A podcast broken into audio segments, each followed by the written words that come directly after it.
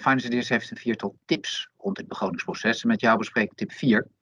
Uh, in de eerdere tips uh, zagen we dat eigenlijk met grote terughoudendheid om moet worden gegaan met de financiële ruimte die er is vanuit het idee van rentmeesterschap. Um, aan de andere kant is het natuurlijk een enorme vraag om juist maatschappelijke inzet, nieuwbouw en verduurzaming. dan heb je wel wat uit te leggen als bestuurder. Ja, dat klopt. je kunt wel verwachten dat verwachtingen hoog gespannen zijn. Uh, we hebben de afgelopen jaren flinke stijgingen van de marktwaarde in verhuurde staat laten zien. Daar is toen ook nog eens een beleidswaarde geïntroduceerd die van de aanvang af toch al wat hoger lag dan uh, de vertrouwde bedrijfswaarde. Gemiddeld was dat 20 procent. En vervolgens zijn ook nog eens de uh, financiële normen verruimd met name de loan to value is verhoogd van eh, 75 naar 85 procent van die al gestegen beleidswaarde. Dus daar zit ruimte in. En dan kun je ervan uitgaan dat uh, de gemeente, de wethouder voor wonen bijvoorbeeld, verwacht van die corporatie dat er een aanzienlijke ambitie getoond wordt als het gaat om nieuwbouw. En je kunt aan de andere kant ook verwachten dat uh, een huurdersbelangenvertegenwoordiging als zij zien dat de corporatie die uh, investeringsruimte op korte termijn niet nodig heeft, een verwachting heeft van een zeer gematigd huurprijsbeleid, zeker onder de huidige omstandigheden, en uh, renovaties zonder huurverhoging. Dus dat alles bij elkaar, daar mag je wel, heb je wel wat in te managen. En daarbij moet je toch wel voorkomen dat je gezien gaat worden als een partij die op zijn centen blijft zitten en het allemaal reserveert voor onbekende en onduidelijke claims in de toekomst, in de verre toekomst. En aan de andere kant moet je ook de vlucht naar voren vermijden, waarbij je die hele investeringsruimte gaat bestemmen voor niet uitgewerkte plannen. En vervolgens terecht erop wordt aangesproken dat je weer een verwachting gecreëerd hebt die je niet invult. Daar ja. is wel wat te doen. Dat is het balanceren tussen korte termijn en lange termijn belangen. Hoe doe je dat als woningcorporatie? Daar heb je wel wat voor nodig. Uh, dat betekent in ieder geval dat je heel goed moet weten hoe dat nou allemaal werkt. Met die marktwaarde in verhuurde staat, met die beleidswaarde. Wat zit daarin, wat zit daar niet in? Hoe zit dat bijvoorbeeld met het onderscheid tussen onderhoud en verbeteringen? Hoe werkt dat uit? En hoe reageert het allemaal op veranderingen in economische omstandigheden en marktomstandigheden? Op de tweede plaats moet je dan zorgen dat je een goed en duidelijk consistent verhaal hebt waar je een paar jaar mee vooruit kunt.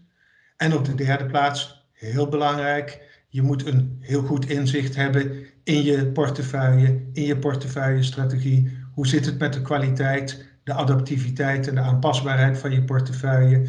En welke visie heb je op de wijze waarop je je voorraad ook op de wat langere termijn in stand gaat houden, kwalitatief en kwantitatief?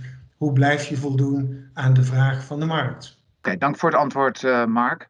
Heb je ook een concrete tip voor een corporatie hoe ze uh, hiermee om kunnen gaan in de begrotingsvoorbereiding 2021? Ja, in je begroting verwerk je natuurlijk je harde investeringsvoornemens, je lopende projecten die al bekend zijn of die al in uitvoering zijn. Daarnaast gaan we in de begroting ook voor de resterende periode rekening houden met uh, de zogenaamde uh, norminvesteringen. Uh, en dan is het goed om een apart hoofdstuk in je begroting op te nemen, waarin je een doorkijk ook op de veel langere termijn gaat opnemen. Denk dan bijvoorbeeld aan een periode van 30 jaar. En in die doorkijk laat je zien dat in het verlengde van de harde investeringen en de norminvesteringen in de begroting er nog een flinke investeringsopgave zit in de renovatie van het overige bezit, zodanig dat je in die termijn van 30 jaar al je, je hele voorraad grondig onder handen neemt. Met een energietransitie is daar alle aanleiding toe. En op die basis kun je ook laten zien dat je de huidige investeringsruimte op die wat langere termijn hard nodig zult hebben. Oké, dus jouw tip is eigenlijk om in die begroting niet te stoppen bij die vijf of tien jaar, maar ook een hoofdstuk op te nemen waar je echt lang kijkt, zodat uh, ook je stakeholders zien dat je die financiële ruimte in de toekomst echt nodig hebt. Dat klopt. En uh, door dat onderdeel te, maken, uit te maken van je begroting, door dat als hoofdstuk in je begroting op te nemen. Is het ook iets wat je bijvoorbeeld voordat die begroting vastgesteld wordt met de Raad van Commissarissen gaat uh, bespreken? En daar zal blijken dat de Raad van Commissarissen daar ook een belangrijke bijdrage aan kan leveren. Door daarin niet alleen als toezichthouder, maar ook als klankbord op te treden. Want hier gaat het natuurlijk wel om. Het gaat over de duurzame instandhouding van de corporatie op de langere termijn. Voorbij de waan van de dag en daar zijn zij bij uitstek voor nodig. Mark, dankjewel.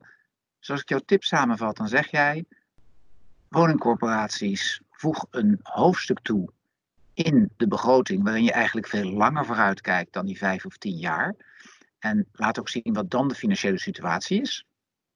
Um, omdat dat laat zien dat je die financiële middelen op termijn ook hard nodig hebt. Uh, bespreek dat met je interne stakeholders, zoals een RVC, en bespreek dat met je externe stakeholders.